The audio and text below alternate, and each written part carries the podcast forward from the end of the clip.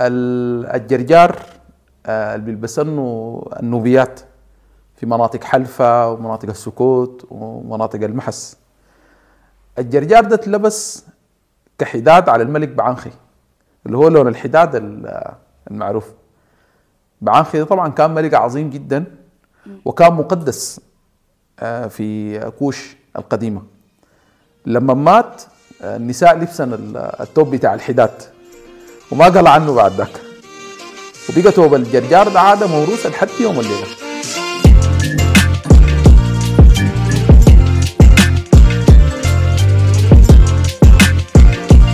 زهير كيفك؟ تمام الحمد لله الله يخليك. حابين تدينا نبذة عن يعني شنو السودان؟ عن تاريخ السودان القديم تاريخ السودان الحديث الرقعة الجغرافية اللي هسي بتسمى بالسودان. آه السودان تاريخه مر بثلاث مراحل. المرحلة الأولى بيسموها تاريخ السودان القديم ودي آه كان فيها عدة حضارات. كان فيها ما قبل الحضارات بيسميها المؤرخ أحمد الياس الثقافات. ثقافة الشهيناب آه، ثقافة الخرطوم الباكرة ثقافة أو حضارة المجموعة ألف وباء وجيم. ودي حضارات كانت قبل تأسيس مملكة كرمة. والإنسان السوداني في الحضارات دي يتعلم صناعة الفخار يتعلم الصيد النهري والبحري بأدوات آه، حجرية يتعلم مبادئ التجارة وعندها آثار الحضارات الباكرة. في موقع آثاري في المبنى بتاع تحت المبنى بتاع مستشفى الخرطوم. لما جو يحفروا الأساس بتاع مستشفى الخرطوم لقوا الآثار بتاعت حضارة الخرطوم الباكرة. في موقع آثاري في منطقة خور أبو عجة في مدرمان. يعني. فيه أدوات صيد فيه آه، أدوات من حجر الصوان وكده. في موقع آثاري في منطقة الشهيناب في شمال آه، أم درمان. آه، في الألف الثانية قبل الميلاد قبل 4000 سنة من الليلة بدأت حضارة كرمة. وكرمة ده ما الاسم القديم. آه، ده الاسم المعاصر. لمنطقة كرمة البلد؟ اللي اتلقت فيها الآثار بتاعت حضارة كرمة كرمة. وبدأ البحث الآثاري واحد اسمه رايزنر جاء بعديه بروفيسور سويسري اسمه شارلز بوني. وكرمة آه، اشتهرت بالتجارة مع العلاقات التجارية مع مع مصر. واشتهرت بعادات الجنائزية. من آثارها بنلقى مبنى كبير اسمه الدفوفة. الدفوفة يقال إنه كان قصر. أو يقال إنه كان سجن. والدفوفة مقسوم لقسمين الدفوفة الشرقية والدفوفة الغربية. لكن المرحلة الأهم في الحضارة السودانية هي مرحلة نبتة. نبتة لأنه غزت مصر في عهد الملك بعانخي سنة 750 أو 751 قبل الميلاد وأسست الأسرة ال 25 في الحضارة النوبية ودخلت في حروب مع مملكة آشور وهزمت نبتة. واضطرت تتراجع جنوبا بعد ما فقدت آه، مصر. المرحلة الثالثة من مراحل السودان القديم هي مرحلة مروي. آه، بعد ما ضعفت مملكة آه، نبتة وأصبحت تخشى الخطر المصري فنقلوا العاصمة من نبتة لمروي. لكن مروي اللي بتكلم عنها ما هي مروي الحالية في دار الشاقية. أيوه. مروي اللي بتكلم عنها دي مروي البجراوية. مروي القديمة.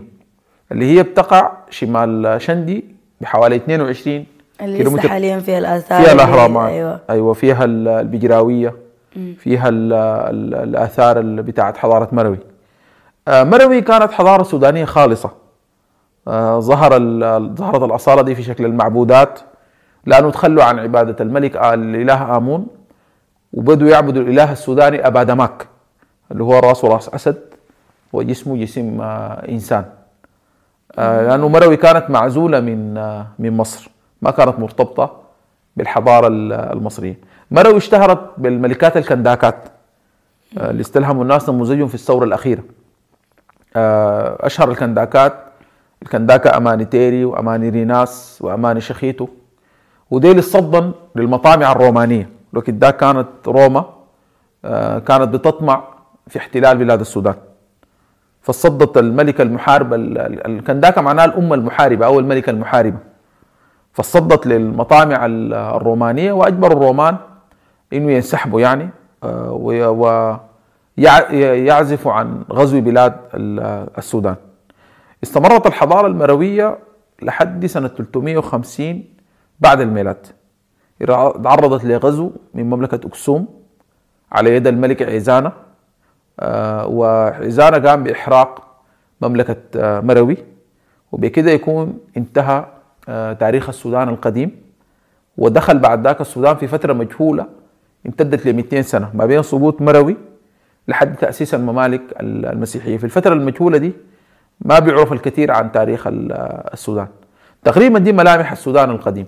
طيب قبل كده ما قبل الحضارات آه، ما آه، قبل معروف الحضارات. إنه أفريقيا كان نشأ فيها الإنسان بشكل عام ومنها طلعت الهجرة لباقي العالم وياهو بعد ذاك انتشرت البشرية. آه، دور السودان كان شنو في الحتة دي؟ السودان من أقدم الدول اللي شهدت ظهور للإنسان. والسودان هو أول دولة شهدت عملية استئناس الحيوان. ودي مرحلة متقدمة في في الحضارة. استأنسوا يا حيوانات آه، الحيوانات ال- بتاعت المزرعة دي يعني الأبقار والأغنام وكده. آه، باعتبار إنه الإنسان آه، كان بيعيش في الحالة الطبيعية في عصر في العصر الحجري. العصر الحجري طبعا مر بمراحل العصر الحجري القديم والعصر الحجري الوسيط والعصر الحجري الحديث. العصر الحجري الحديث انتهى قبل عشر ألف سنة. ومع نهاية العصر الحجري آه، بدأ في تغير مناخي كبير والتغير المناخي غير شكل الحياة في السودان وفي غير السودان وأدى لظهور الحضارة. في العصر الحجري ما كان في حضارة آه، لأنه الإنسان ما كان بيحتاج للحضارة. الإنسان كان عايش في الحياة الطبيعية وبيختات من الطبيعة من البيئة. كانت البيئة مطيرة المناخ في شمال السودان كان مناخ بتاع سافنة غنية. زي المناخ الموجود في جنوب النيل الأزرق والمناخ الموجود في جبال النوبة. كان عايش في الغابة كانت يعني. الأمطار أيوة الأمطار تصب فترة طويلة من السنة. وكان الإنسان بيلقى احتياجاته من الغابة يعني. بيلقى وكان إنسان الغاب ما الثمار. الكهف. ما هو عايش في كهف إما في الحجر أو في الأشجار في جذوع الأشجار يعني. الكهوف نوعين في كهوف شجرية وفي كهوف حجرية. فكان الإنسان بيعيش في في الكهف وبيختات من من الطبيعة. آه، حصل تغير في المناخ. ابتدى المناخ يتصحر بالتدريج. فاضطر الإنسان عشان يواكب التغير ده إنه يغير نمط حياته. ده التحدي والتصدي اللي قلت لك قبل. في تحدي وقع على الإنسان أيوة. المطر ابتدى يقل فاضطر الإنسان إنه يرحل لمجرى النهر. في الأول ما كان ساكن في وادي حياته على المناخ الجديد. نعم. ولأنه ما ما بيقدر يزرع ما حيلقى الشجر متوفر فاضطر يزرع الشجرة. ولأنه المطر ما عاد متوفر اضطر إنه يسقي الشجرة يشق لها جدول من النيل. هنا اتعلم الزراعة. زمان كان بيلقى الطرائد بتاعت الصيد متوفرة في في الغابة. بالمناسبة البقر والغنم دي كانت حيوانات بتاع الصيد قبل 10000 سنة. زي الغزلان زي. الغزلان نعم. البقر ده كان كان كان حيوان بتاع صيد فاضطر الإنسان إنه يستأنس البقر ويستأنس ال- الغنم. الحاجة أم الاختراع. أيوه. فتعلم الزراعة. وفي أدلة آثارية إنه أول عملية بتاعت استئناس الحيوان آه، كانت في شمال السودان. فتعليم الزراعة خلى الإنسان السوداني وغير السوداني يستقر. الاستقرار خلق مجتمعات جديدة مجتمعات زراعية. المجتمعات دي بالتدريج ظهرت فيها السلطة السياسية. لأن أصبحت مجتمعات آه، حضارية مجتمعات مستقرة فظهرت فيها السلطة السياسية. ظهرت فيها ظهرت الأديان والأديان أصلا طبعا هي سماوية لكن طبعا حصل لها تحريف يعني. وما من أمة إلا خلا فيها نذير. اسم ال- السودان آه، سموه ال- المؤرخين العرب على المنطقة دي. واسم السودان ما كان بيعني البلد اللي بنعيش فيها حاليا. كان بيعني كل المنطقة من ساحل البحر الأحمر لحد ساحل المحيط الأطلسي. والسودان اللي بنعيش فيه حاليا ده كان اسمه سودان وادي النيل. وبعد ذاك سموه السودان الإنجليزي المصري. بعد الاستغلال حتى سموه السودان. فاسم السودان ده الاسم العربي. آه، لكن بلاد السودان طبعا عندها عدد من المسميات. وزي ما بقولوا كثرة الأسماء تدل على عظم المسمى. أكيد. الفراعنة آه، سموا البلد آه، تاسيتي. تاسيتي باللغة الفرعونية القديمة الهيروغليفية معناتها بلاد القوس. برضو آه، كان بيسموها تانحسو بلاد القوس على شنو؟ آه، لأنه ال- السودانيين القدماء كانوا مشهورين بالرماية. حتى العرب سموه آه، رماة الحدق. لأنه كانوا دقيقين جدا في في التصويب في في الرماية الحربية. عشان كده ال- الفراعنة سموا المنطقة دي بلاد القوس تاسيتي. آه برضو المنطقة دي كان عندها اسم آه بيقولوا لها بلاد الواوات. والحضارات برضو آه أي حضارة أخذت اسم. يعني مثلا الحضارة الأولى حضارة كوش. كوش معناتها التربة الحمراء. مصر كان اسمها كيميت. كيميت معناتها التربة السوداء. كوش آه، معناتها التربة الحمراء. برضو اسم موجود في المصادر المصرية يعني. فالسودان عنده عدة عدة آه، مسميات. لكن والله أعلم اسم السودان ترجمة حرفية لأثيوبيا. أثيوبيا الاسم سموه اليونانيين للسودان. أثيوبيا معناتها بلاد ذوي الوجوه المحروقة. قاموا العرب ترجموه للسودان. ذوي الوجوه الم- المحروقة يعني الوجوه المحروقة السوداء طبعا الحبشة لما تغيرت اسمها سنة 75 بعد ما سقط نظام منجست نظام هيلا ثلاثي وجو ناس منجستو قاموا أخذوا الاسم السوداني القديم سموه ببلدهم إثيوبيا. لكن إثيوبيا أصلا اسم سوداني ما ما ما ما اسم حبشي يعني. هو طبعا يعني عشان السودان كان له سنين طويلة شديد يمكن آلاف السنين. فنحن بنسمع كثير عن إنه مصر والسودان بلد واحد إثيوبيا كانت مع السودان بلد واحد. ال- الرقعة الجغرافية نفسها اتعرضت لتغييرات كثيرة جدا. فممكن يتكلم عن الحاجة دي. وآخرها طبعا كان موضوع انفصال الجنوب. فالحاجة دي كان تأثيرها شنو؟ على الموارد على ال- ال- التركيبة الاجتماعية على الحاجات دي حاليا. آه، السودان ومصر حضارة واحدة اسمها حضارة وادي النيل. ومصر أثرت على السودان تاريخيا والسودان أثر على مصر تاريخيا. آه، في بداية آه، تشكل السودان احتلته مصر فترة طويلة وفرضت عليه الثقافة الفرعونية والدين الفرعوني اللي هي ديانة آه، إيزيس. بعد فترة السودان استقل وقام زي ما بيقولوا رد الصاع وقام احتل مصر الفرعونية. الاحتلال ده كان زمن بعانخي حوالي سنة 751 قبل الميلاد. بعانخي غزا مصر وقام حكمها وضماها لمملكة نبتة. خلفاء بعانخي شكلوا أسرة في التاريخ الفرعوني اسمها الأسرة 25 مشهورة بالأسرة 25 آه، الكوشية. أشهر ملوكها شبكة وشبتاكا وشبكو وترهاقة وآخر ملوكها تانوت آمون. الأسرة دي حكمت مصر لمدة آه، 75 آه، سنة. وبفعل الاحتلال ال- الكوشي لمصر اتأثرت مملكة نبتة بالثقافة الكوشية بالثقافة المصرية عفوا. هسه لو زرت الجناح بتاع مملكة نبتة في المتحف القومي. حتلاحظي التشابه الشديد مع الثقافة الفرعونية. فعلا. في الأزياء في شكل التماثيل في المعبودات. القناعات أيوه. أيوه كانوا بيعبدوا الإله آمون. وعندهم له آه معبد كبير جدا في جبل البركل. دي الناس آه مملكة مملكة نبتة. ففي فعلا أسرة نوبية حكمت آه حكمت مصر. وذكرت الأسرة دي في التوراة لأنه كان عندها أمجاد آه عظيمة جدا وحاربت الآشوريين وأنقذت ال- اليهود. اليهود كان بيتهددوا من الدولة بتاعت آشور وترهاقة تحالف مع مع اليهود. عشان كده في ذكر للملك النوبي ترهاقة في سفر الملوك في في التوراة في العهد القديم. معقول؟ أيوه. معلومة مملكة كوش مملكة كوش مذكورة في التوراة. آه. آه. سبحان الله. طيب الحاجات دي كلها كان أثرها شنو على السودان الحديث؟ يعني يعني الممالك دي كلها استمرت لغاية 200 أو كان كان كان عندها أثر لغاية وين لغاية 200 طبعا أي حضارة بيكون عندها تأثيرها. آه الحضارات آه، لا تفنى إلى العدم.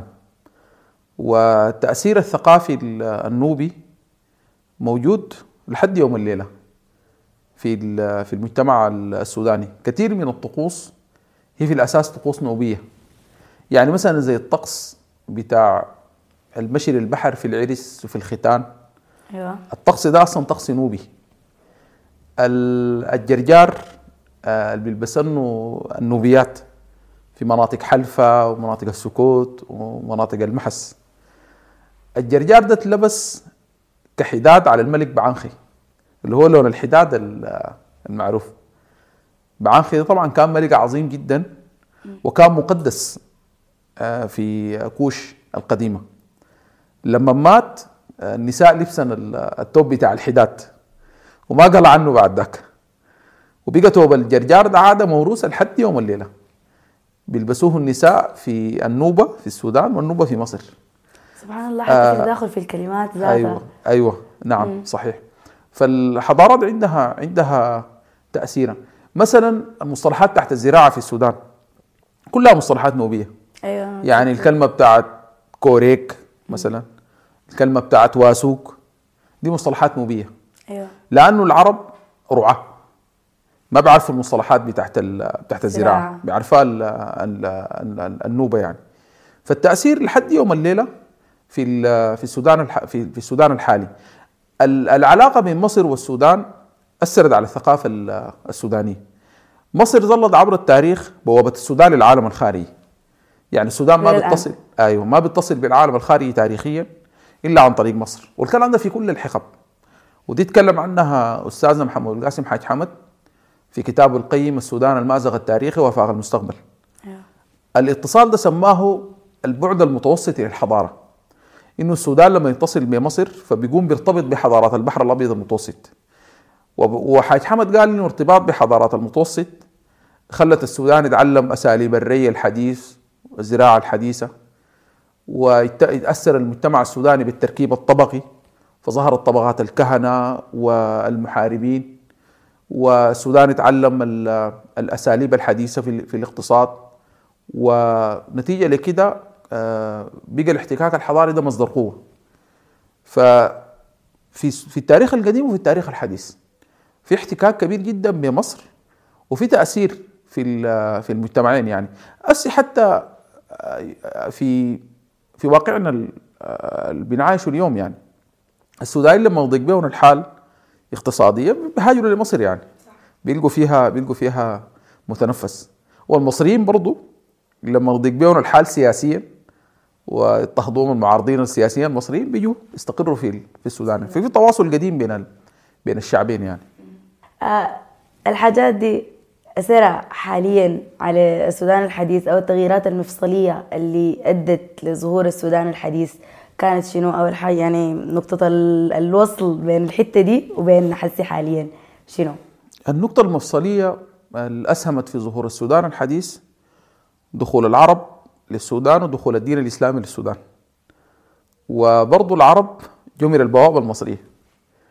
آه العرب فتحوا مصر على عمرو بن العاص سنة 19 20 للهجرة.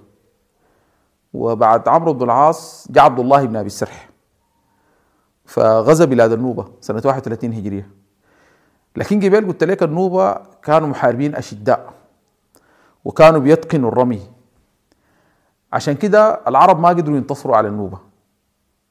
فوقعوا معهم اتفاقية اسمها اتفاقية البقط الاتفاقيه دي استمرت 800 سنة. بعد ذاك بدوا العرب يهاجروا من مصر للسودان. هاجرا قبيلتين قبيلة اسمها جهينة وقبيلة اسمها بني عرك. يتزاوجوا مع النوبة آه التزاوج ده آه أثر في نشر الدين الإسلامي في السودان أثر في نشر اللغة العربية. الكلام ده بعد سقوط آه دنقل العجوز. دنقل العجوز تقريبا سقطت في 1347 للميلاد. من 1347 لحد 1505 الفترة بتاعت ال 200 سنة اتغيرت الهوية بتاعت السودان. من سودان نوبي مسيحي لسودان عربي مسلم. عربي بمعنى يتحدث اللغة العربية يعني. العروبة العروبة بالمعنى ده يعني. ما دينيا ما بتكلم بالعروبه أيوة. العرقية يعني. أيوة. عروبة ثقافية على الأقل. فإحنا بنعتبر إنه آه، دي بداية جديدة للسودان يعني إذا حاولنا ننسب السودان الحالي بننسبه لسنار الحضارات اللي اتكلمت عنها قبل شوية حضارة كوش حضارة كرمة وحضارة نبتة رغم إنها حضارات عريقة وعظيمة لكن أثرها في واقعنا اليوم قليل. الأثر الأكبر للحضارة السنارية. هي اللي دخلت التصوف والتصوف شكل الوجدان بتاع السودانيين. آه، هي اللي جمعت بين بين القبائل السودانية بين العبد الله والفونج فممكن السودان الحالي آه، ممكن ننسبه. نقول إنه هو امتداد للدولة السينارية. عشان كده لما صار الجدل حول قضية الهوية السودانية إنه إحنا عرب ولا إحنا أفارقة آه، كتب الشاعر محمد عبد الحي العودة إلى سنار. كتب قصيدة مشهورة بعد بعد ثورة أكتوبر. أعود إليك يا سنار حيث الرمز خيط. فتكلم عن حاجة اسمها الغابة والصحراء. الغابة بترمز للإفريقانية. والصحراء بترمز بترمز للعروبه اي فاتكلم عن الهوية السنارية. قال مفترض إحنا نرجع لسنار. طيب الشاهد من كلامك والحاجة اللي لاحظت لها في في كل الحقب اللي نحن تكلمنا عنها دي إنه آه، الموارد بتاعت السودان ما كانت يعني مستعملة لأقصى درجة. آه، الحاجة الوحيدة اللي كانت مستعملة أكثر حاجة كانت الموارد البشرية أو المورد البشري. فليه ما كان عندنا استفادة من الموارد الثانية؟ طبعا الاقتصاد آه، ما بقوم على الموارد الطبيعية بس. وما كل الدول الغنية اقتصاديا عندها موارد. آه، أوروبا كلها أوروبا الغربية دي بتعاني من شح في الموارد. آه، بريطانيا ألمانيا فرنسا عندها مشكلة في الموارد. وده خلاهم يجوا افريقيا وآسيا يستعمروا لأنه عندهم نقص في المواد الخام. دولة زي اليابان ما عندها موارد. ما فيها أراضي كبيرة بتصلح للزراعة ولا فيها ثروة حيوانية ولا فيها معادن ومع ذلك هي الاقتصاد الثالث في العالم. فالاقتصاد ما بقوم على الموارد الطبيعية بس. طبعا شائع عند السودانيين إنه بلدهم فيها موارد طبعا ده ده صحيح من ناحية جغرافية. السودان فيه 200 مليون فدان صالحه للزراعة وفيه 79 نوع من أنواع المعادن. بتبدأ من الذهب والنحاس والحديد والكروم ليه المايكا السوداء يعني. آه، عبر التاريخ موارد السودان كانت مستغلة. آه الذهب آه عرفوا أهميته الفراعنة وجابوا الذهب من من بلاد السودان. الذهب اللي بيتشاف في الآثار الفرعونية دي جاي من السودان. خصوصا يعني خصوصا ما هم احتلوا السودان فترة. يعني آه، قبل تأسيس مملكة كرمه السودان كان محتل من قبل المصريين من قبل الفراعنة في فترة الدولة الحديثة. فترة الدولة الفرعونية الحديثة السودان كان كان محتل. فنهب نهب الذهب. كلمة آه، ذهب باللغة الهيروغليفية نوبو. اللي هي جات منها كلمة نوبة النوبة معناتها الذهب. ذهب أيوة. فلو شفنا مثلا الكنوز الذهبية في المقبرة بتاعت توت عنخ آمون الفرعون المصري المعروف. أنت ما تتخيلي إنه كل مقتنياته من الذهب الخالص. حتى الكرسي بتاع العرش من الذهب الخالص. التابوت من الذهب الخالص. الحلي من الذهب الخالص. دي كلها من الذهب السوداني. مصر ما فيها ما فيها ذهب كثير يعني. فيها بعض المناجم لكن آه، ما كثيرة. الفتح التركي المصري آه، كان عنده هدفين. الحصول على المورد المعدني اللي هو الذهب والحصول على المورد البشري اللي هم الرجال. صحيح محمد علي ما توفق في إنه يلقى كميات وفيرة من الذهب لكن استنزف المحاصيل بتاعت السودان. لأنها كانت محتكرة للتجار بتاعين الحكومة التركية المصرية. آه، الوقت ذاك السودان كان بيصدر الصمغ العربي بيصدر السنة مكة الكركديه سن الفيل ريش النعام. البضائع السودانية التاريخية المعروفة يعني. ف آه، حصل نهب منظم زي ما قال محمد سعيد القدار في كتابه تاريخ السودان الحديث في فترة الحكم التركي المصري للموارد بتاعت السودان. الاستغلال الأكبر كان في فترة الحكم الثنائي لأنه آه ارتبطنا بالمركز الرأسمالي العالمي. المركز الرأسمالي العالمي آه عنده معادلة اقتصادية فهو داير السودان يكون مورد للمادة الخام والمركز الرأسمالي مورد للمنتجات المصنعة. بمعنى إنه نحن بنزل على القطن في الجزيرة. بريطانيا مركز لصناعة النسيج. نصدر وبيتصنع وبيرجعوا لنا بيرجع بأضعاف أضعاف ثمنه. أيوه. ونحن للأسف ما قدرنا نطلع من من المعادلة دي بعد الاستقلال. ما كان عندنا خطة واضحة للتنمية ما حصل عندنا استقرار سياسي عشان نقدر أيوه أنا كنت عايز أسأل من إنه فعلا كان في هو استعمار لكن الاستعمار ده كان شبه للعالم كله. لكن بعد ذاك في بلاد كثيره رجعت ورجعت بقوة. يعني عندك ماليزيا كانت من من من أكبر الأمثلة. على الحاجة دي. جنوب أفريقيا من ال من البلدان اللي قدرت تطلع من الحتة دي. رواندا ما كان استعمار لكن كان في حرب أهلية وكان في تقريبا بقايا استعمار في حاجات زي دي. فليه الناس دي قدرت تطلع وقدرت تنظم نفسها؟ لكن نحن لسه قاعدين بنطحن في في حتات لسه نفس الحتات. الدول اللي تكلمت عنها دي كان عندها مشروع وطني للنهضة. واحدة من مشاكل السودان بعد الاستقلال إنه ما كان عنده مشروع وطني. السودانيين تعاملوا مع الحرية كغاية في حد ذاتها. الحرية ما غاية الحرية وسيلة. أنا لا قدر الله لو اتسجنت وقالوا لي خلاص محكوميتك قربت تخلص. بفكر فيما بعد الخروج من السجن. أنا حابدأ حياة جديدة كيف؟ حأشتغل شنو؟ حأكسب رزقي من وين؟ حأعمل شنو بعد ما أطلع من السجن؟ السودانيين كانوا يفتكروا إنه الاستقلال غايه في حد ذاته. عشان كده رفعوا شعار بائس زي شعار تسقط بس. آه تحرير لا تعمير. آه إحنا واحدة من مشاكلنا الشعارات مرات بتكون عاطفية. يعني إحنا كنا بنقول تسقط بس يسقط البشير وبعد ما يسقط البشير الأمور كلها كنا مفتكرين إنها حتتصلح وما صلحت طبعا. فبرضه السودانيين في فترة الحركة الوطنية كانوا بيقولوا تحرير لا تعمير. فما كان عندهم مشروع وطني. بعد الاستقلال ظهر إنه في تحديات السودانيين ما قادرين يواكبوها. التحدي الأول التنوع الموجود في السودان. السودان بلد متعدد الأعراق متعدد الثقافات. دي حاجة مرتبطة طبعا بأزمة الهوية يعني. أيوه. فكيف يدار التنوع في السودان؟ للأسف السوداني لحد يوم الليلة ما عندهم إجابة عن السؤال ده. وده سبب المشاكل اللي حاصله لغاية لا هو. مش التعدد في حد ذاته. لا عدم القدرة إدارة- على إدارة, آه، التعدد, التعدد أيوه. نعم. ال- السؤال الثاني آه، اللي هو كان سؤال الدستور. وهو برضه مربوط بال- بالتعدد. إنه الدستور يكون إسلامي ولا علماني؟ يكون دستور فيدرالي ولا دستور مركزي. ما قدروا كتبوا دستور دائم. تخيل إن إحنا مما استقلينا سنة 56 لحد يوم الليلة ما عندنا دستور دائم لل- للبلد يعني. آه،؟ ما عندنا دستور دائم لحد يوم الليلة. الدساتير كلها مؤقتة. آه، استقلينا في 56 بقانون الحكم الذاتي حصل عليه تعديل سموه دستور السودان المؤقت.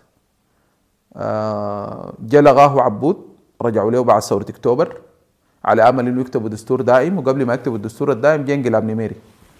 نيميري كتب دستور في 73 وسقط في 85 طبعا لغوا الدستور بتاع نيميري لما سقط لما سقطت مايو. ورجعوا للدستور المؤقت بتاع الاستقلال سموه دستور السودان الانتقالي. لما جاء البشير لغى دستور السودان الانتقالي. كتب دستور سنة 98 وجاء لغاه سنة 2005 مع اتفاقية السلام. وجاءت الثورة لغت اتفاقية آه، دستور 2005 وجاء البرهان آه، كتب مع حمدوك الوثيقة الدستورية. وهسه دايرين يلغوا الوثيقة الدستورية ذاتها دايرين يعملوا آه، دستور جديد مؤ- مؤقت. فواحدة من مشاكلنا إحنا ما عندنا ما عندنا دستور. لكن أجمل لك إنه نحن ما عندنا مشروع وطني. ماليزيا عندها مشروع وطني. آه، عملت توليفة بين الأعراق ماليزيا فيها ثلاثة أعراق رئيسية. فيها الهنود فيها ال- الصينيين فيها الملايو فقدرت عملت آه، توليفة بين بين الأعراق دي وكان عندها مشروع وطني. رواندا بعد الحرب بين الهوتو والتوتسي عملت مصالحة تاريخية. سألوا بول كاغامي آه، قالوا له أنت كيف قدرت عملت النهضة دي كلها في في رواندا؟ قال لهم نحن يوم واحد ما عينا لورا. بنعاين لقدام الحصل شنو في الحرب الأهلية؟ ال 800 ألف الماتوا في الإبادة الجماعية دي صفحة وقلبناها. هسه إحنا بنعاين لل بنعاين لل... للمستقبل.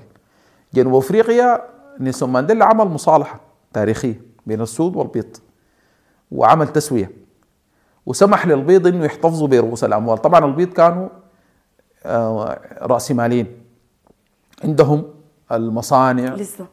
عندهم ال- الاستثمارات الكبيرة والسود آه، كانوا مضطهدين.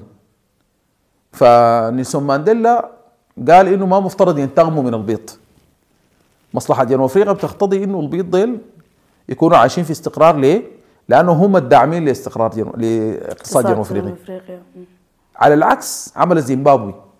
لما اتحررت من الفصل العنصري قامت طردت البيض. طردت البيض اقتصاد انهار. فأرجع وأقول لك نحن محتاجين لمشروع وطني محتاجين لمصالحة تاريخية. طيب ليه يعني- الحاجة دي ما حصلت في الحكومات الجاب بعد الاستعمار؟ آه، الحكومات الجاد انشغلت بالصراع السياسي. سواء كان الصراع بين الأحزاب أو الصراع مع الحكومات العسكرية. نحن ربنا سبحانه وتعالى آه، سبحانه وتعالى ابتلانا بأنه اتفقنا على أن لا نتفق. السودانيين اتفقوا على لا يتفقوا. فمن الاستقلال نحن في دوامة بتاعت بتاعت صراع. مش كان في زي هدنة كده حصلت أيام حكم نميري؟ قصدك المصالحة الوطنية. أيوه. المصالحة الوطنية من الإشراقات في التاريخ. فعلا إحنا لو آه، اهتدينا بال- بال- بالمصالحة بالتراث اللي خلفوه صناع ال- المصالحة الوطنية المرحوم فتح الرحمن البشير الدكتور عبد الحميد صالح آه، ديل قدروا أنقذوا السودان من حرب أهلية كانت بين الجبهة الوطنية وبين نظام مايو. أيوه. ففعلا هي من من الإشراقات في في تاريخ ال- السودان. لكن إحنا مشكلتنا آه، ما عندنا ثوابت وطنية. الصراع السياسي ده بيكون في متغيرات. آه، بيكون في قضايا فرعية.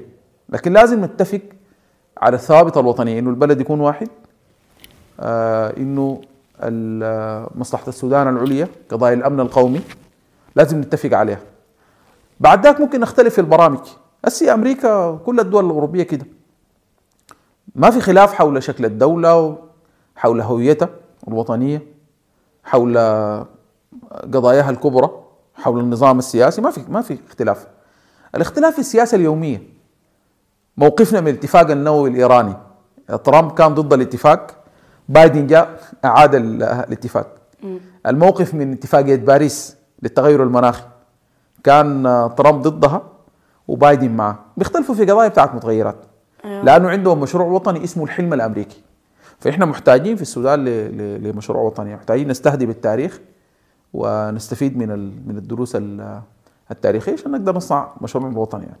طيب يعني ما حصل خالص في تاريخ السودان كله إنه حصل توحد بين السودانيين وقدروا إنهم يعني يديروا التنوع ده بطريقة تفيد البلاد بدلا عن انها هي حصل. لكن أنت كنت بتسال عن تاريخ السودان الحديث في محطتين مهمات جدا آه نحن لازم نرجع لهم المحطة الأولى آه تأسيس الدولة السنارية في 1504 اللي هي تأسست بتحالف بين عمار دنقس وعبد الله جماع.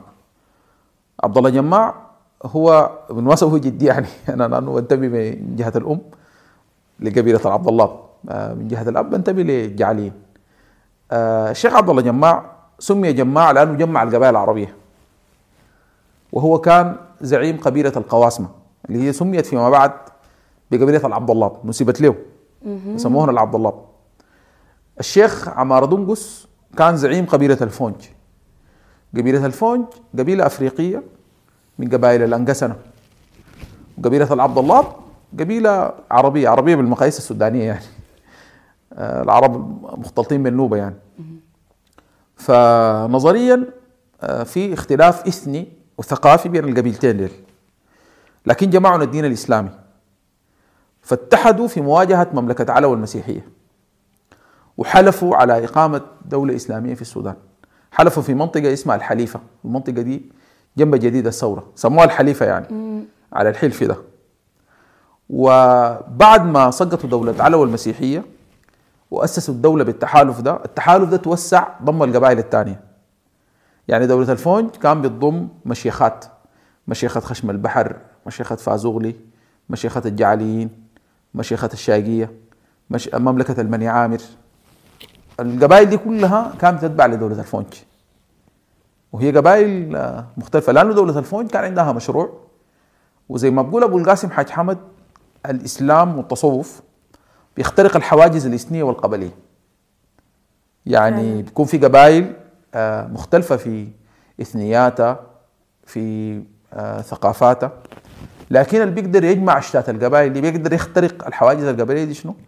الدين الإسلامي إذا وظف بشكل صحيح يعني. فدي محطة مهمة جدا مفترض الناس يرجعوا لها عشان كده أنا قلت لك قبل إنه لما انطاحت آه، مسألة الهوية بعد ثورة أكتوبر وحصل النقاش في أوساط المثقفين إنه هل نحن عرب ولا هل نحن أفارقة فالمدرسة بتاعت آه، الغابة والصحراء قالوا نرجع إلى سنار. فتكلموا على العودة إلى سنار. محمد عبد الحي ونور عثمان بكر وغيرهم من من الشعراء يعني بتاعين محمد المكي إبراهيم آه، مجموعة من الشعراء المشهورين يعني آه، اللي أسسوا مدرسة الغابة والصحراء. المحطة الثانية المفترض نرجع لها هي محطة الثورة المهدية. بنلقى ثاني إنه الإمام محمد أحمد المهدي جمع كل السودانيين. والمرة دي الإطار بتاع المهدية كان أوسع حتى من الإطار بتاع الفونج. آه الإمام المهدي آه كان معه آه الجعليين من الشمال. هو أصلا دنقلاوي من اقصى الشمال. ومعه اهله الضناقله الاشراف كان عندهم رايه والجعليين انتصروا على القوات الإنجليزية في معركة أبو طليح. وكان معاه ناس الشرك بقيادة عثمان دقنه وانتصروا على الجيوش الإنجليزية في معارك آه، تيب ومعارك طاماي. وكان معاه ناس الغرب بقيادة الخليفة عبد الله التعاشي واصلا مسرح معارك الثورة المهدية في غرب السودان. في كردفان انتصر الإمام المهدي في قدير وانتصر في شيكان في غابة شيكان آه، قريب الأبيض. وحتى ناس الجنوب آه، بايعوا الإمام المهدي. معلومة كثير من الناس ما ما عارفينها يعني. آه، أنا قريت لدكتور فرانسيس دينك واحد من المثقفين الجنوبيين. كتابه صراع الرؤى ونزاع الهويات في السودان. بيتكلم عن مبايعة الدينكا للإمام المهدي وانضمام قبيلة الدينكا للثورة المهدية. وحتى في أهازيجهم كانوا بيقولوا إنه المهدي ابن دينك نسبوه لجدهم الكبير يعني. كان بيعتقدوا إنه روح دينك حلت في الإمام المهدي. بلغة. فالمهدية جمعت آه، القبائل السودانية في المشروع التحرري مشروع التحرر من الحكم التركي المصري. الظروف السياسية ما خلت النموذج الأمدرماني ده يستمر أو على الأقل يتعمم على كل أنحاء السودان. فمع مرور الزمن آه، بعد ما بعدت المسافة الزمنية من الاستقلال تظهر عوامل التجزئة زي ما بسميها أبو القاسم حاج حمد. التجزئة القبلية والتجزئة الإقليمية وبقت هسه مهدد حقيقي للوحدة الوطنية في في السودان يعني. إذا ما قدرنا نحن صنعنا مشروع وطني جديد. قدر يلم السودانيين دي طيب هل القصة دي سوء إدارة فعلا سياسي ولا في مقاومة اجتماعية للموضوع ده؟ لأنه إحنا عندنا أفتكر إنه العنصرية دي حاجة قوية جدا حاضرة عندها حضور قوي في المجتمع لغاية الآن. فهل الحاجة دي ممكن يكون عندها دور في إنه إحنا ما قادرين أو سياسيا ما قادرين نسيطر على التنوع ده أو نديره بشكل كويس؟ العنصرية القبلية آه، بتتناسب عكسيا مع الدولة. إذا قيوت الدولة تنخفض العنصرية القبلية والعكس صحيح. إذا ضعفت الدولة ترتفع النعرة العنصرية. آه، العنصرية طبعا موجودة في كل أنحاء العالم. آه، بالمناسبة السودان العنصرية اللي فيه عنصرية خفيفة يعني. ما زي العنصرية الموجودة في أمريكا مثلا. لحد هسه في جنوب أمريكا لحد يوم الليلة في مطاعم يقول لك don't niggers and dog ممنوع دخول الزنوج والكلاب. آه العنصرية الموجودة هنا في السودان ما زي العنصرية الموجودة في إسرائيل أو اللي كانت موجودة في في أفريقيا أو اللي كانت موجودة في في رواندا. هي موجودة إحنا ما بنقدر ما, ما بننكر إنه في عنصرية في ال في ال في السودان لكن دي في في كل أنحاء العالم. لكن آه، العنصرية بتبقى مهدد للوحدة الوطنية بتين. لما تتراجع الدولة عن دورها دورها في حماية المواطن دورها في تقديم الخدمات للإنسان. فبتدي فبت- بيبتدي الإنسان بيفتش عن حواضن بديلة للدولة. ليه؟ لأنه الإنسان مجبول على البحث عن انتماء. فبيلجأ للقبيلة. بيلجأ للقبيلة. بيلجأ للقبيلة عشان تحميه بيلجأ للقبيلة عشان تسنده اقتصاديا واجتماعيا. وده اللي حصل. في الفترة الأخيرة بسبب السيولة اللي حصلت بعد ديسمبر دي. حصلت سيوله سياسيه في البلد حصلت سيولة أمنية. فالناس ابتدوا يرجعوا لقبائلهم أي زول بيحتمي بقبيلته يعني. أيوه. أيوه. فإذا رجعت الدورة وقامت قامت بدورها بقت بتحمي كل الناس وبقت بتقدم الخدمات بترجع القبيلة لاطارها الطبيعي. نحن ما ضد الق- القبيلة نحن ضد القبلية. فرق بين القبيلة والقبلية. أيوه. طيب يعني بنقدر نقول إنه في الفترة بتاعت المهدي كان آه كانت الدولة قوية بحيث إنها هي قادرة تسيطر على هذا التنوع فاجتماعيا ما كان في مشاكل؟ المهدية مرت بمرحلتين مرحلة الثورة مرحلة الدولة. مرحلة الدولة حصلت فيها نكسة آه، بسبب سياسة الخليفة عبد الله التعايشي. لكن أنا بتكلم عن مرحلة ال- الدو الثورة آه، ال- الهوية الثورية بتاعت المهدي والشعارات الدينية اللي دفعها جمعت الناس. لكن وفاته المبكرة آه، شخصية التعايش المختلفة من محمد أحمد المهدي التعايش لا هو زعيم ديني ولا هو فقيه زي محمد أحمد المهدي ولا شخص حوله إجماع زي المهدي. فادارته للدولة تسببت في نكسة. صحيح الدولة كانت قوية لكن حصلت نكسة وحصل شرخ في فترة الخليفة عبد الله التعايشي بين أولاد البحر وأولاد الغرب في فترة ال- ال- الخليفة عبد الله. فلازم نميز في المهدية بين مرحلتين. مرحلة الثورة مرحلة الثورة ومرحلة الدولة. يعني إحنا هسه بنقدر نقول إنه ما حصل آه اتحاد حقيقي كدولة غير في مملكة سنار كلها كانت ثورات كلها كانت يعني آه زي تجمع ثوري فقط وبينتهي بنهاية الثورة؟ المثال بتاع الوحدة الوطنية طبعا في سنار أوضح لأنه سنار استمرت 300 سنة. أيوه. آه ودي آه أطول فترة عاشتها مملكة في التاريخ ال- ال- السودان الوسيط. إنه مملكة عاشت 300 سنة آه وكانت قادرة توحد بين بين الناس دي لسببين بسبب الهوية الدينية وبسبب الإدارة اللامركزية. الهوية الدينية جمعت الناس والإدارة اللامركزية أدت أي قبيلة أي قبيلة خصوصيتها. كان السنار ما بتتدخل في الشؤون الداخلية بتاعت ال- الأقاليم. تترك لأي إقليم إنه يدير نفسه بما يراه يعني. حتى القبائل كانت بتختار شيوخها وملوك سنار بيأمنوا على اختيار الشيخ يعني بتاع القبيلة. وكان بيدفعوا ضريبة بتاعت بتاعت التبعيه ضريبة معقولة يعني ضريبة رمزية. بيدفعوها لم- لملو- لملوك سنار. وكان السنار ما بتستنصر بهم إلا في أوقات الحروب فقط. إذا حصلت حرب الدولة السيناريه احتاجت لجيش بتستنصر بال بالقبائل يعني. بترسل جيوش بينضووا تحت لواء الجيش ال- السناري يعني. فسنار نقدر نقول إنها صنعت نموذج فريد من الوحدة الوطنية لسببين أو عاملين أساسيين. العامل الأول اللي هو الدين وتوظيفه في الوحدة الوطنية والعامل الثاني اللي هو الإدارة اللامركزية. يعني طيب إذا قلنا إنه هسي عايزين نستنسخ التجربة في ظل الحكم المركزي اللي حسي حاصل في السودان كيف تفتكر إحنا ممكن نعمل الحاجة دي؟ كيف ممكن نصل لوحدة وطنية حقيقية كدولة ما بتنتهي بنهاية الثورات ما بتنتهي بنهاية الاتفاق في الأجندات؟ أول حاجة نشوف السودانيين العوامل اللي بتجمعهم آه نبني عليها. آه 97% من سكان السودان مو مسلمين.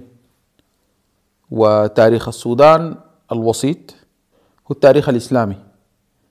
تاريخ مملكة سنار تاريخ مملكة آه، دارفور أو سلطنة الفور تاريخ مملكة آه، تقلي.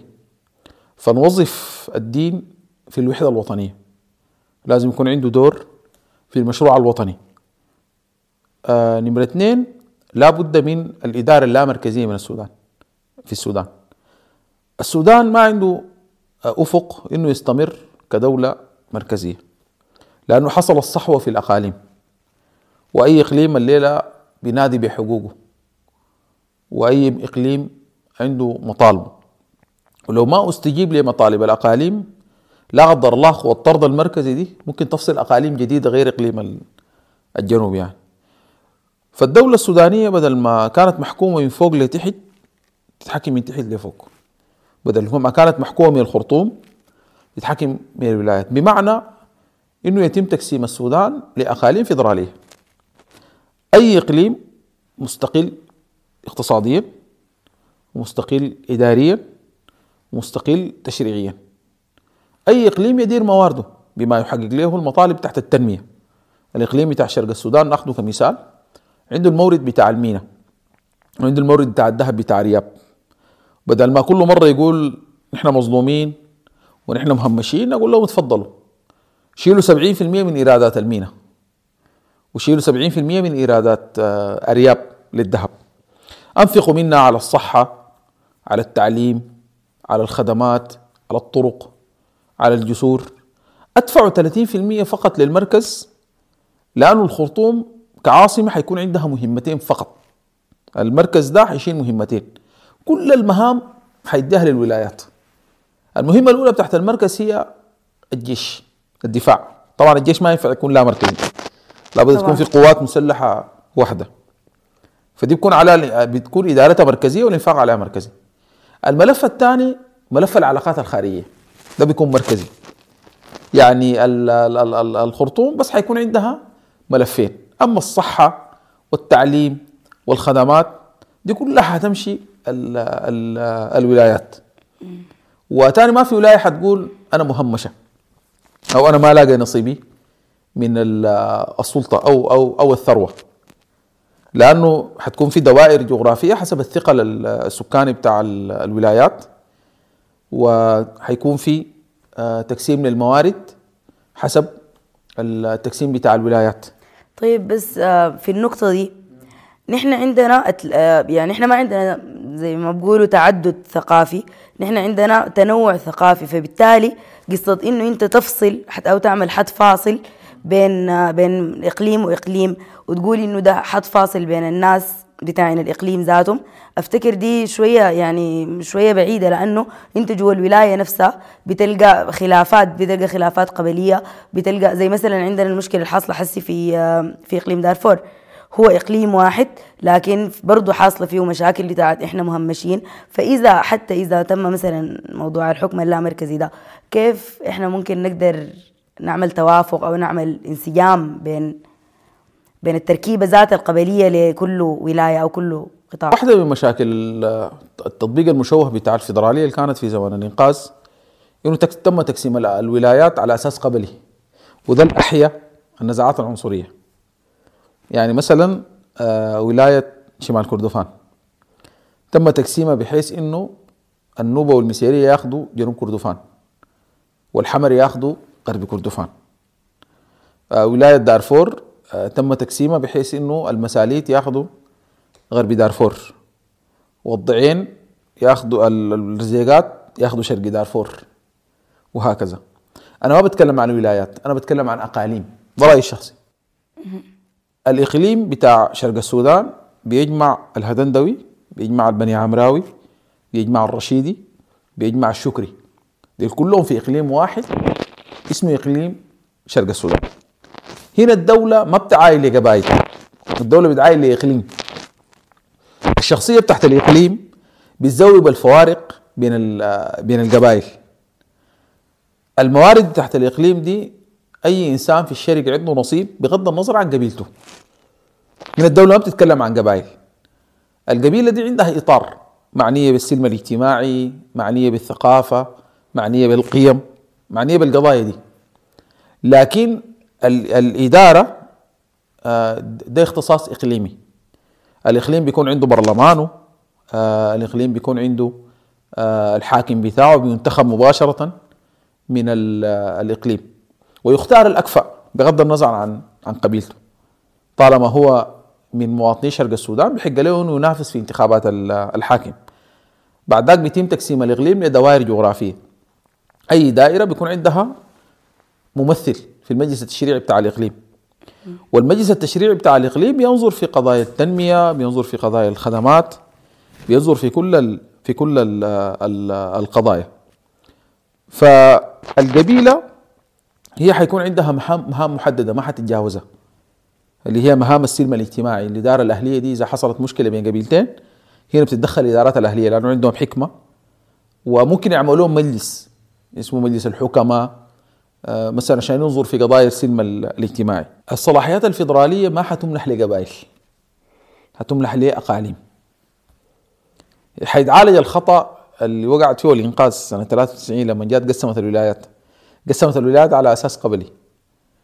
فبقى أي ناس بيتذكروا قبيلتهم لأنه بقت في ولايات وبقت في وزارات ولائية وبقت في مناصب في الولايات ووظائف في الولايات. فابتدوا الناس يتذكروا قبائلهم.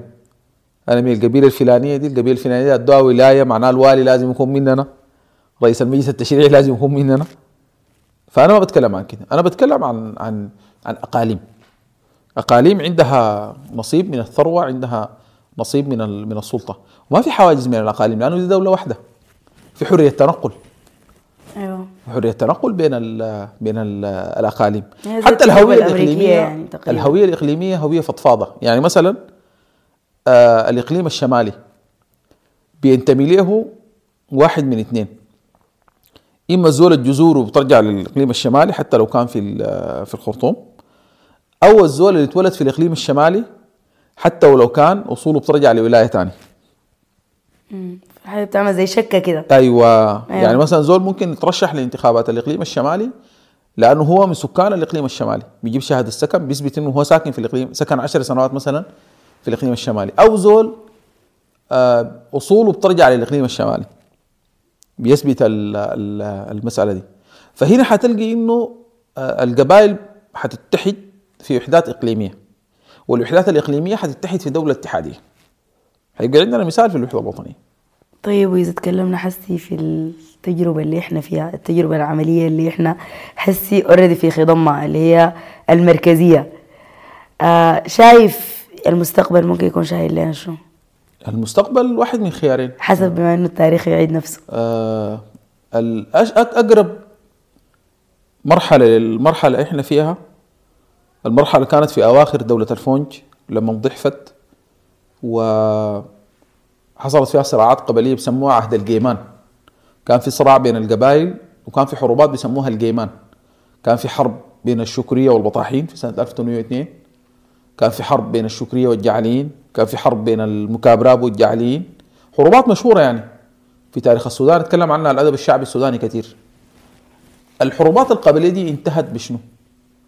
انتهت باحتلال أجنبي من مصر. لأنه في بعض الناس سئموا من الصراعات اللي كانت حاصلة في دولة الفونج مشوا استنصروا من محمد علي باشا. استعانوا بالمستعمر. أيوه محمد علي باشا جاء فتح السودان. الآن بنلاحظ إنه في صراعات قبلية. نلاحظ في الشرق في صراع بين البني عامر والهدندوه بنلاحظ في دارفور في صراع بين ال ال المساليت والعرب. هسه في جنوب دارفور في صراع الأيام دي في صراع. في النيل الأزرق في صراع بين البرتا وبين الهوسة. فالصراعات ال- القبلية دي ممكن تفتت اللحمة الوطنية وتدي فرصة للتدخلات الأجنبية. وأنا شايف إنه حجم التدخلات الأجنبية الآن كبير. يعني بعثة الأمم المتحدة آه، السفارات آه، أصبحت تتحدث وكأنها وصية على البلد يعني. آه، المندوب بتاع الأمم المتحدة يتحدث كأنه الحاكم العام البريطاني يعني. يتحدث في أدق تفاصيل ال- السودان في قضايا ما مفترض يتدخل فيها يعني. ف... فنحن. مفترض نأخذ من عبرة التاريخ إنه نحاول بقدر الإمكان ننأى بنفسنا من الصراعات الداخلية. لأن الصراعات الداخلية بتدي فرصة للمحتل الأجنبي. الأستاذ مالك بن نبي عنده كتاب قيم جدا اسمه شروط النهضة ومشكلات الحضارة. يتكلم عن حالة سماها القابلية للاستعمار. يتكلم عن حالة سماها القابلية للاستعمار. قال إنه ما بيحصل استعمار إلا إذا المجتمع هو ذاته فيه قابلية للاستعمار. فالصراعات الداخلية دي بتدي قابلية للتدخل ال- الأجنبي. عشان كده مفترض نتعلم من من عبرة التاريخ. للأسف نحن بنحكي نحكي التاريخ كحكاوي للتسلية وبيركز على النظرة البطولية في التاريخ إنه أجدادنا كانوا أبطال واجهوا المستعمر في في كرري واستشهدوا ونحن قطعنا راس غردون وعندنا حضارة قديمة. ده كله صحيح. لكن برضو مفترض نستفيد من أخطاء الماضي. الفرق بينه وبين الغربيين إنه الغربيين يتعلموا من أخطاء ماضيهم يتعلموا من التجارب الاستبدادية الديمقراطية. تجربة الحروب الدينية الحرب بين الكاثوليك والبروتستانت تجربة الحرب العالمية الأولى اللي ماتوا فيها 14 مليون والحرب العالمية الثانية اللي ماتوا فيها 50 مليون علمتهم الديمقراطية. فتعلموا الأوروبيين يديروا خلافاتهم السياسية بتكلفة أقل. يعني علمتهم علمتهم التجارب. فأتمنى إنه إحنا في السودان نصل للمرحلة دي من الوعي. طيب هل في حاجة اسمها إنه إحنا آم، ما بتنفع معانا التج- التجربة الديمقراطية؟ أو إحنا كمجتمع يعني بنسمع الجملة دي كتير. فشنو ص- آه، مدى صحتها؟ الديمقراطية دي فيها شقين فيها ثوابت وفيها متغيرات. في ثوابت بتصلح مع أي أمة وفي متغيرات ما بتصلح مع كل الدول. المبدأ الثابت في الديمقراطية آه، مبدأ تداول الرأي. إنه الحاكم آه، ما ينفرد بال- بالقرار. لابد يشاور ال- الناس لأنه ما بيمتلك كل الحقيقة. امرهم شورى بينهم؟ أيوه ما بيمتلك كل الحقيقة الحاكم. فيشاور البرلمان آه، ال- ال- المجالس النيابية وهكذا. وفي عملية إجرائية العملية العملية بتاعت التصويت. إنه نحن عشان نختار الحاكم نشوف أغلبية الأصوات. آه، الحاز على أغلبية الأصوات. دي بتنفع لكل أمة. لكن في متغيرات في الديمقراطية ما بتنفع مع المجتمع السوداني وما بيصلح نقلها خارج المجتمعات اللي تولدت فيها. يعني مثلا الليبرالية الاجتماعية اللي هي واحدة من مكونات الديمقراطية التعددية. حرية الأسرة حرية الجندر حرية النوع حرية العلاقات الجنسية. زي ما قلت هي دي بعد ذاك بتبقى خلافات في ما- الحاجات ما المتغيرة بتصلح. ما في الأساسيات أيوة. بتاعت ال- لو. حاولنا نجيب الليبرالية ما حن... ما ما حين- ما حتنتهي من التجربة لرشد سياسي حنلقى الليبرالية اصطدمت مع الم... مع المجتمع السوداني لكن الليبرالية لما تكون في حدود لا ضرر ولا ضرار ما هي برضو بتكون ليبرالية ليه ما ممكن تصلح ما هو نظام الليبرالية دي فيها ثلاثة مكونات فيها مكون سياسي تعددي. ده ما في مشكلة. المكون السياسي التعددي إنه يكون في احزاب آه، بتتنافس في الانتخابات. لكن فيها مكونين ثانيات ما بيصلحن في السودان. المكون الأول هو المكون الراسمالي آه، بيتكلم عن حرية السوق الحرية المطلقة يعني. وبيتكلم عن الاقتصاد الحر النيو ليبرالي ده. ليه ما بينفع في السودان؟ آه لأنه السودان دولة عالم ثالث. لابد يكون الدولة عندها دور في في التخطيط. ولابد المجتمع يكون عنده دور في في الاقتصاد. آه دول العالم الأول ما عندها مشكلة في الاحتياجات الأساسية والدخل فيها مرتفع. يعني بريطانيا آه أمريكا الدول دي الدخل فيها مرتفع جدا. يعني مثلا المقارنة بتاعت إنه البنزين في السودان آه سعره من أرخص الأسعار والدخل في السودان من أكثر الدخول انخفاضا. أنت ما ممكن تحرر لي سعر البنزين وما ترفع الدخل. انت اوزن انت دار تحرر ارفع الدخل. في آه، بريطانيا وفي أمريكا آه، ال- ال- التحرير ال- ال- الاقتصادي ما بضر المواطنين لأنه الاحتياجات الأساسية متوفرة. احتياجات الغذاء احتياجات الكساء احتياجات التعليم احتياجات الصحة البنية التحتية. فبكون في مشكلة في في التحرير الاقتصادي. الثقافة هناك بتدعم الحرية الاقتصادية الثقافه البروتستانتية. المذهب البروتستانتي المسيحي بيشجع الادخار والاكتناز بتاع الأموال. هنا الثقافه مختلفة هنا الثقافه صوفية تدعو للزهد في الحياة فلا الثقافه الاجتماعية بتدعم الرأسمالية ولا النظام الوضع الاقتصادي بيدعم الرأسمالية. فتطبيق تطبيق ال- ال- ال- السوق الحر بيؤدي لانتشار الجرائم بيؤدي لسلبيات كثيرة جدا شفناها في في السنتين اللي فاتت يعني. بعد تطبيق تطبيق التحرير الاقتصادي مباشرة ظهرت الجرائم بتاعت تسعة طويلة. ليه؟ لأنه في ناس بيقوا على حافظ ضغط عليها ضغط عليهم. أيوة. فأصبحوا آه، بيمارسوا الجريمة عشان آه، عشان ياكلوا. فالليبرالية الاقتصادية ما ما بتصلح معنا والليبرالية الاجتماعية ما ما بتصلح معنا خلاصة القول في قضية الديمقراطية الديمقراطية محتاجة لسودنه نحن محتاجين نسودنا الديمقراطية. لازم نأقلمها عليها. نعم نعم أيوة. نعمل لها عملية بتاعت تب- تبيئة. أيوة. والدليل على كلامي ده إنه الديمقراطية الأمريكية غير الديمقراطية البريطانية والديمقراطية البريطانية غير الديمقراطية الفرنسية. فالديمقراطية في أي بلد بتاخذ شكل مختلف. يعني هسه مثلا في أمريكا النظام السياسي رئاسي. في بريطانيا النظام السياسي السياسي برلماني. ليه؟ عشان يعملوا توليفة بين الملك وال والنواب. الملك الحكم بيحتفظ بال-. أيوه. بالسلطة الشرفية ما في رئيس. جمهورية. لكن أمريكا ما ملكية. أمريكا فيها رئيس جمهورية عنده كل الصلاحيات. لكن ما برضه صلاحياته محدودة. الرئيس الأمريكي؟ أيوة. لا لا الصلاحيات التنفيذيه آه، مطلقة آه، لرئيس الولايات المتحدة الأمريكية. لكن هو ما بيقدر يخرج من النظام. لأنه ال- ال- الرئيس مهما كان صلاحياته في نظام أصلا معد يعني موجود. في فرنسا بنلقى في نظام مختلط. فيه رئيس وزراء عنده صلاحيات وفيه رئيس جمهورية عنده بعض الصلاحيات. بنلقى مثلا في إيطاليا نظام التمثيل النسبي. آه، بنلقى في بريطانيا مثلا نظام انتخابي مختلف يعني. فالديمقراطية محتاجة آه، تبيئه محتاجة سودنه إذا حاولنا ننقلها بنفس الشكل الغربي حتصطدم بالمجتمع وحتفشل يعني. وحيرجع الاستبداد هل دي أسباب فشل التجربتين الديمقراطيات اللي عدوا علينا في السودان؟ أسباب فشلها كثيرة. آه، ده سبب. السبب الثاني إنه الناس اللي طبقوا الديمقراطية هم أنفسهم غير ديمقراطيين. الأحزاب الديمقراطية هي في داخلها غير ديمقراطية وفاقد الشيء لا يعطي. نمسك حزب آه، زي حزب الحزب الاتحاد الديمقراطي. ده حزب بتاع أسرة. رئيس الحزب آه، هو رب أسرة معروفة في السودان الاسره المرغنية.